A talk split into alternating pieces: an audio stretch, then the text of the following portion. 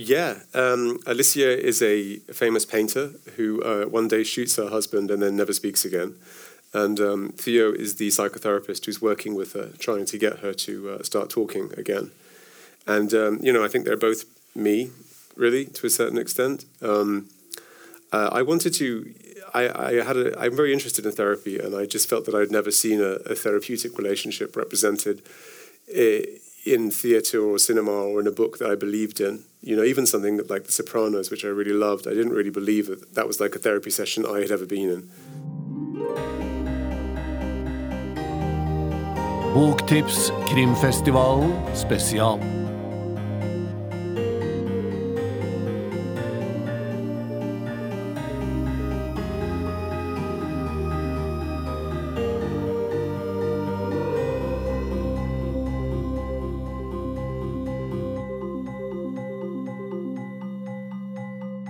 I vinter så har det kommet to uh, krimromaner som har fått spesielt stor oppmerksomhet. Og det, I dette programmet og det neste så skal vi møte de to internasjonale krimstjernene, helt nye, som er med der. Og så er det altså, stenger vi her, og så går man over der. Men det som kommer nå, er at jeg snakker litt om programlederen først. Ikke fordi han har bedt meg om det, men han har vært programleder i mange år, så jeg har pleid å mobbe han. Men jeg skal prøve å ikke gjøre det nå, for uh, Aslak Nore er jo også Riverton-prisvinner. For Ulvefellen i 2018 fikk han den. Så han, en, han er, jobber som redaktør, og han er en av Norges beste krimforfattere. Og tidlig så oppdaget han denne forfatteren, som vi nå skal klappe voldsomt inn.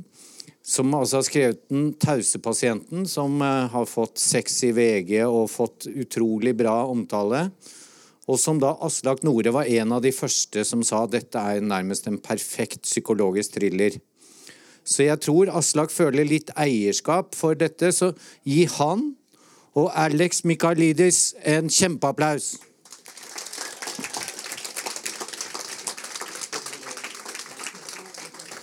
All right. Can you hear me? Hello? Uh, yeah, yeah, I think so. I can hear you. Welcome, Alex. Hello, hi, thank you. Well, good to have you here. Uh, thanks for the introduction, Knut. Uh, as a matter of fact, uh, we're going to talk about a special book here today. Um, I would uh, go as far as to say that uh, The Silent Patient, or Den tause pasienten på norsk, was uh, indeed the crime book of the year in 2019 um, internationally.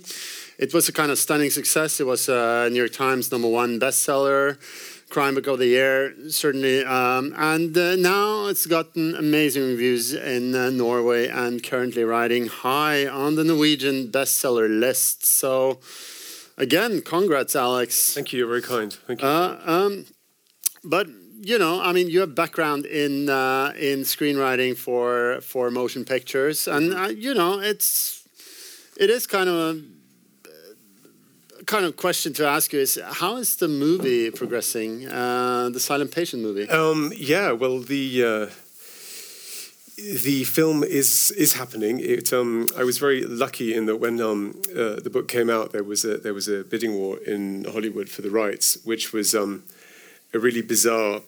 Um, kind of bittersweet experience, if I'm honest with you, because I had been trying as a screenwriter to meet these producers for 20 years, and none of them wanted to meet me. And then, um, and then when the uh, the book came out, suddenly they all managed to get hold of my mobile phone number, and they were calling me in London at like midnight, trying to get me to sign the book with them. So, and it was it's kind of it was kind of a sad thing because I thought it was so nice to have this attention, but it's 20 years too late. But anyway. Um, and in the end, we went with Plan B, um, who I think make the best films in Hollywood, and they we have an amazing producer who uh, made um, Twelve Years a Slave and Moonlight.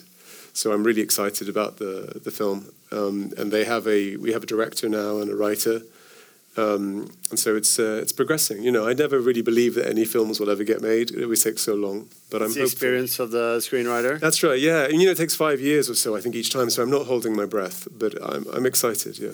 Quietly excited. But so uh, mm, the two lead characters here that we're going to talk more about, uh, their names are uh, Alicia and Theo. And uh, who would you envision to play uh, the two in a, in a movie? Who would be the dream pair? Well, Brad Pitt would obviously be very nice. Um, Well, he's a bit old now. oh, I don't know. It It's- work. It's a bit harsh. Um, I, uh, I I wrote the book for a friend of mine. Actually, I wrote the book for an actress. It was an old old friend called Rosamund Pike. You know, who's Oh. quite famous. Um, she was in Gone Girl and many movies. Um, and unfortunately, it's not going to work out for her to play it, which is a real shame because they they felt uh, everybody felt that it was too close to Gone Girl, and so it'd be a repeat. So try and get someone different.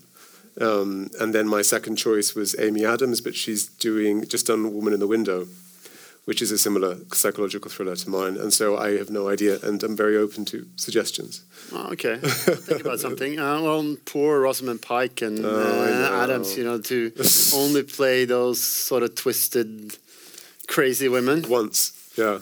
Well, um, anyway, Alex is, um, um, for all his stunning uh, success, he's also a very uh, sophisticated man, uh, and um, a book that is heavy on certain references to both uh, the psychoanalytical canon in uh, in psychology and s- mm, psychoanalysis, and also Greek mythology. And Greek mythology seems to be playing uh, both an explicit role in the book.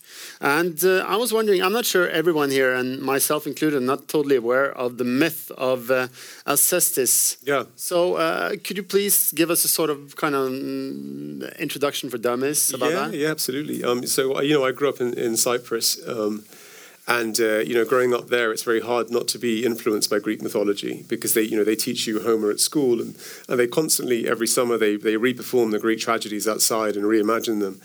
And um, I came across this tragedy by Euripides, uh, Alcestis or Alcestis in Greek, and it um, it really captured my imagination when I was a very young teenager. And in this play, Alcestis dies to save her husband. And then at the end of the play, she's brought back to life and she's reunited with her husband, but she refuses to speak to him. And she remains silent until the end of the play. And um, as a result, it's not often performed, you know, even in Greece. It's, it's because people don't know what to make of the silence. They don't know whether she's overjoyed to see her husband or whether she's furious that he let her die. And um, there was something about this refusal to explain and the image of this silent woman that, for whatever reason, just captured my imagination. And I kept trying to retell this myth. I tried to update it as a one act play, and then I wrote it as a short film. And it was only like 20 years later, when I had worked in a psychiatric unit, that I suddenly had the idea of making Alicia into a patient. And then the whole thing went from there in my imagination. Yeah. I see. Um, well, there's another thing that I want to uh, get into here, and um, without spoiling anything from the book, uh, as many of you who have read about this are maybe aware of, uh, the book consists of some uh, pretty uh, uh, crazy uh, plot twists, and um, more generally, I'm interested, uh, both as a writer, of course, but also as an aficionado of uh, of crime fiction, on how to make the, the sort of art of the plot twist, how to surprise the readers, and um, and uh, to begin with that, uh, I was wondering, you know, uh, do you have any like plot twists from movies or books that you're particularly fond of? Yeah, I mean, there's the obvious one that comes to everybody's mind. I think is the Sixth Sense. You know, um, uh, with Bruce Willis, which I think is such an amazingly clever plot Yeah. twist, and it, you know, and very hard to disguise, and yet they do manage to you know get away with it, which Yeah, is that's a good incredible. Um, in, in terms of literature, I think my favorite plot twist of all time is um, is uh, Five Little Pigs by Agatha Christie, uh, which was a huge influence on me uh, for years because you know it's a very limited, so four or five, six characters, and they're all in front of you the whole time, and yet she manages to persuade you to look the wrong way from the very first page until the last page. And there's something about that where I think about, um, you know, when I was very small, I wanted to be a magician. That was my big ambition in life. And the way I think about these kind of novels is it's like a conjuring trick. And you're trying to get someone to look over here the whole time. And it's how well you can disguise that. And if you can make people look the wrong way the whole time, then it's a great reveal when you can suddenly pull it off. Ah, very interesting because um, Yeah, I'm, I'm, I'm gonna I'm gonna get back to that uh, towards the end of this because uh, I was talking to Jo Nesbø, the famous Norwegian crime writer, and he was also using the idea of the magician. Yes, And yeah. I think that's that. Uh, as a matter of fact, he described himself as some kind of like wannabe magician. Oh, that's interesting. You know, I think a lot about like someone like say Henry James, who I really love as well. Um, I often think that there's not much of a difference, eh, perhaps in the quality of writing, but eh, not much of a difference between Henry James and Agatha Christie, in that they both are obsessed with love triangles. And they present you with a love triangle that you think goes that way. You know, she's in love with him and he's in love with her. And then at the end of the book, you realize actually she's in love with him and he's in love with her, and it's the wrong way around. and there's something about that shifting that triangle which I think is really fascinating. Yeah. Well, uh, uh, but back to the silent patient and the plot. There is there seems to be a therapeutic uh, relationship at the core of this as well, and uh, between um, Alicia and Theo. And I think for the people who have not yet read the book, uh, can you tell us a little bit more about those two? Yeah, um, Alicia is a famous painter who uh, one day shoots her husband and then never speaks again. And um, Theo is the psychotherapist who's working with her, trying to get her to uh, start talking again.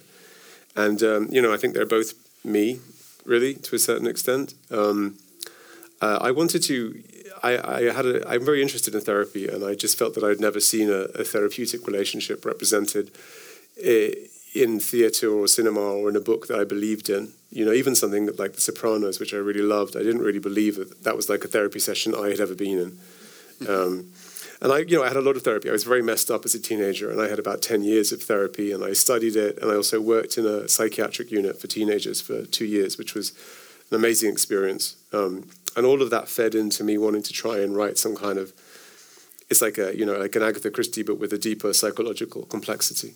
I think. Absolutely. And then, um, so that's Theo. He's sort of like he, uh, um, as you were saying, you know, he, I guess he has the same uh, relationship to therapy as you were just describing about yourself now.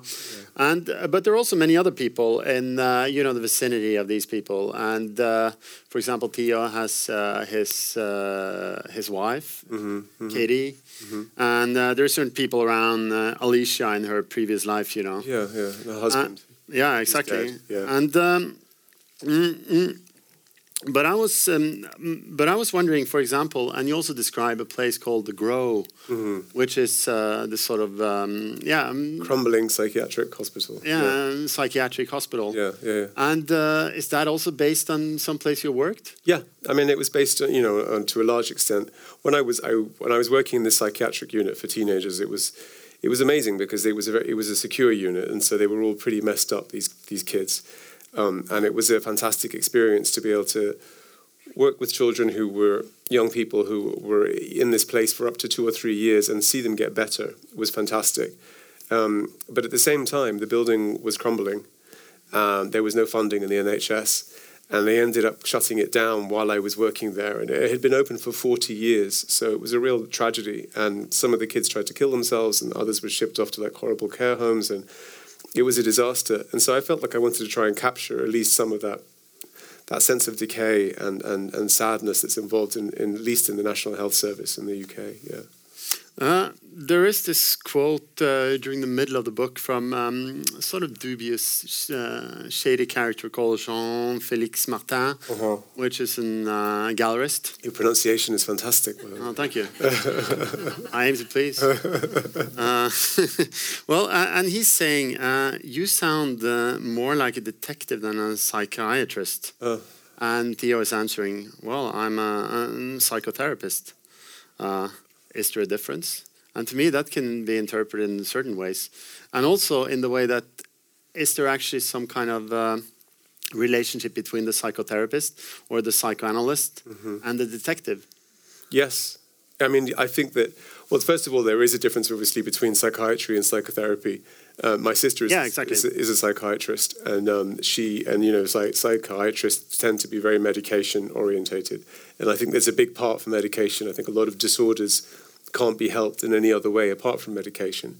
But I also think very often people, when they're heartbroken or come from a, a very difficult, abusive childhood, they just need someone to talk to and someone who's going to hear them and, and listen to them. And that's where I think psychotherapy can be really, really helpful. Um, and I think it is like a detective story, you know. I think um, I think the idea of kind of investigating someone's mind is like that. And um, you know, I, I always knew that I wanted to try and write a kind of a Christie style book, but I know nothing about detectives. And it was only when it occurred to me that, oh, well, maybe my hero could be a psychotherapist, and I know a lot about psychotherapists, then maybe I could make that feel more authentic. Because uh, there's also a quote from Freud here, interestingly, uh, saying that the unexpressed emotions will never die, they are buried alive. Yeah, I think it's true. You know, I think uh, I think all of these, you know, feelings and painful experiences that we have when we're young, and unless they, you know, there's a, I also quote another uh, writer, um, a, a Swiss German psychoanalyst who I, I love deeply. Uh, her name was Alice Miller, and uh, she wrote a very famous book in the 70s called The Drama of Being a Child. Um, and she said that not only do we need to understand what happened to us when we were children, we need to understand what happened to our parents when they were children. Otherwise, we'll never really understand what was done to us and why it was done. And I think that's the answer. I think you have to hold everything in awareness. You have to understand. Otherwise, you can't forgive or you can't move on. The problem comes from when we try to bury things without ever looking at them. And you need to. That's the point of therapy, in my opinion, is to get everything out in the light and let's have a good a good look. You know? So you actually felt that you improved from your therapy? I do massively, yeah, I do. I was really lucky, but I, you know, that's an interesting point. So, I trained for three years to become a therapist, and I quit um, for a couple of reasons. One, I just, you know, felt I was a writer um, more than a therapist, and I was too selfish to spend the rest of my life just helping people. Uh, but the other reason was that I kept encountering therapists who I thought were crazy and I thought were not helpful. And I think the problem with therapy is that unlike medicine or you know or, or law or whatever, you can't. There's it all comes down to the individual skill of the therapist, and there's no way of quantifying how this person is helping you. And so yeah, I was lucky. I had an amazing therapist, but then later on, I, I experienced a very very bad therapist as well, who harmed me quite considerably. You know, so I think it's uh, I'm ambivalent about it. I think it hel- helps people, but it's it's kind of shady area in my head, and I wanted to try and put all that into the book. But there are also some quotes about, uh, you know, certain uh, sentences from Freud being, I think you quote unquote, uh, outdated. And uh, there's been a persistent criticism of psychoanalysis, you know, the last decades that it's it may uncover some bad truth or deep truth about yourself and your family, but will it actually help? And uh, but uh, to me, you don't seem to find it outdated at all. No, I mean it depends on the kind of therapy that you have. Obviously, you know. Yeah. And also the sort of like how good the therapist is. Yeah, how good the therapist is, and I have to say that I, I had a Freudian group analysis that I thought was very harmful and not helpful to me at all, um, because it was determinedly focusing on negative aspects, um, whereas uh, the therapy that I had was attachment-based therapy. You know, so that's um, and that was about trying to understand how we relate to people. Uh, You know, and so it was more about bringing people together as opposed to trying to pull them apart. But do you believe in sort of like sort of cognitive therapy at all? Do you think that can serve a purpose? Yeah, absolutely. Yeah. Of course, yeah, yeah. Yeah, because I, I I remember just talking to some on the more like psychoanalytical side, and she was telling me that you know if you just have some sort of if you have phobia, for example, Mm-hmm. okay, go to a cognitive therapist. You know, and, you know if you're afraid of birds, whatever, you know, Yeah, just- yeah, yeah. they'll fix it. But if you have some deep things in your like sort of relationship with attachments to family members or something, Yeah, yeah. you need something deeper. You do, you know, and so like the the whole basis of like attachment theory basically comes down to the the sense that if you're missing some kind of important, you know, developmental stage, so you didn't have, you know, they they often say like a grandparent is a very important part in a child's development because the grandparent gives the child unconditional, constant love, unlike the parents often, you know, um, and without that, you, you can be quite lost. And so, what a good therapy will do is that they will give you a relationship that you can then internalize, you know, over years of a really healthy, uh, respectful, honest relationship, which is one that I was lucky enough to have. So, you know, the day the book was published in the UK, I haven't told the story before, but I um, I I hadn't seen my therapist in ten years, and um, I found her. I emailed her and I said the book is coming out, and I've written this book and it's coming out in a, in a, in a few days. And um, I couldn't have written this book without you. So on the day of the publication, I went and found her and I had a coffee with her. And I just, you know, wanted to say, I gave her a copy of the book and I just said, I wanted to say thank you, you know. Um, and she said, "Isn't it funny how you know 20 years ago you came and found me, and you said you know you wanted to die, and now all these years later, look at you, you're here and you're sitting here and you've given me this this testament to our work together." And it was like that for me. I was very very lucky, and then I met somebody who saved my life, and and I put all of it into this story, you know. So. Now, uh, some of you may think that we're uh, getting away from the main uh, subject, namely the book, but uh, as you'll see when you read this, uh, that it's very heavy on all these kind of references uh, explicitly as well. And that made me think, because one thing I found very fascinating in your book is the fact that there is not that much sort of like action compared to a sort of an action thriller. Mm -hmm. It's kind of slow, and yet it's so much more suspenseful. Uh, and Hitchcock, he was once saying that uh, the terror is not in the bang itself, but in the anticipation of it. Yes. Is that something you can relate to as a writer? Yeah, and as a person as well, I think, ah. for sure. um, I think, yeah, I think so. I mean, I love Hitchcock, and I, um, I love his, you know, his definition of suspense and how you have to give the audience the information and then make them wait and then see what's going to you know what's going to happen. And it definitely and, I just wasn't the kind of writer where I could try and and write like a you know a, a thriller with people like running around with guns and shooting each other and I just found that beyond my capabilities um, but I'm interested inside the inside of someone's head and I was able to kind of bring that to it I think. But that seems to be uh, very popular these days because when we see the sort of thriller phenomenons the last 10 years, they've not been like superhero agents or something like that, or police procedurals. It's mostly been uh, something very domestic, something happening within the families, for example. Yeah, yeah, that's true. It's uh. it's true. I have a more interest in something if I believe that it's real. Yeah, I think. Why could that be? I don't know why, but I think you know generally where nowadays we're able to talk about something like therapy, you know, and I my, our parents, I don't think, would have been comfortable, you know, no. however many years ago. I think it's, I think that people, everyone is becoming much more self-aware and much more able to kind of, you know, communicate and and think about these things nowadays. So maybe that's why. And there's also something that uh, the sort of truth or secrets that someone that are supposed to be very close to you are hiding mm -hmm. tend to be scarier than just some sort of messed up Russian mad scientist who wants to blow up the world or something. You see yes, what I mean? Yes, yes, totally. Yeah. yeah. Yeah, yeah. So I was thinking about that, but um, I was talking about the the plot twist in the beginning here, and uh, yeah, there are some really really good ones here.